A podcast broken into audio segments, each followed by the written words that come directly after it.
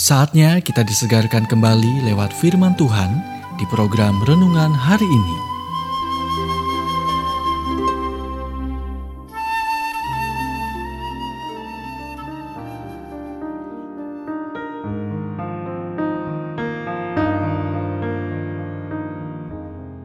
Renungan hari ini berjudul Menolak untuk Takut. Nats firman Tuhan diambil dari 1 Samuel 16 ayat 7. Janganlah pandang parasnya atau perawakan yang tinggi.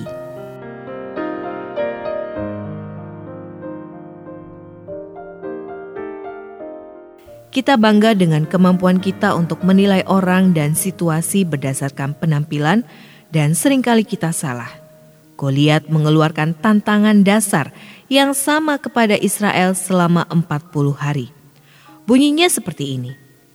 Kirimkan pejuang terbaik kalian dan aku akan membunuhnya. Aku juaranya, aku yang terhebat. Pelecehan berbasis rasa takut semacam itu berlaku untuk setiap raksasa yang Anda temui dalam hidup. Chuck Swindoll menulis, ketakutan dan kekhawatiran jangan datang hanya sekali, mereka datang pagi dan sore, hari demi hari, tanpa henti mencoba mengintimidasi. Mereka datang dalam bentuk seseorang, tekanan, kekhawatiran, ketakutan yang melanda hati Anda. Hari demi hari berteriak melintasi jurang di lembah pribadi Anda. Hanya sedikit hal yang lebih gigih dan menakutkan daripada ketakutan dan kekhawatiran kita – terutama ketika kita menghadapinya dengan kekuatan kita sendiri. Ketika memilih raja Israel berikutnya, Tuhan berkata kepada Nabi Samuel, "Janganlah pandang parasnya atau perawakan yang tinggi, sebab aku telah menolaknya."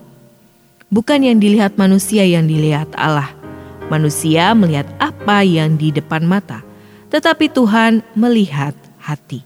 1 Samuel 16 ayat 7. Sebagai manusia, kita melihat apa yang ada di luar dan membentuk opini berdasarkan apa yang kita lihat. Goliat itu besar, garang, dan penuh keberanian. Tiga sifat yang dirancang untuk menanamkan rasa takut ke dalam hati yang paling berani. Tetapi Tuhan tidak terkesan atau terintimidasi olehnya, dan Dia memberi Daud kemampuan untuk melihat Goliat melalui matanya Ketakutan membutuhkan makanan dan semakin Anda memberi mereka makan, semakin besar mereka tumbuh.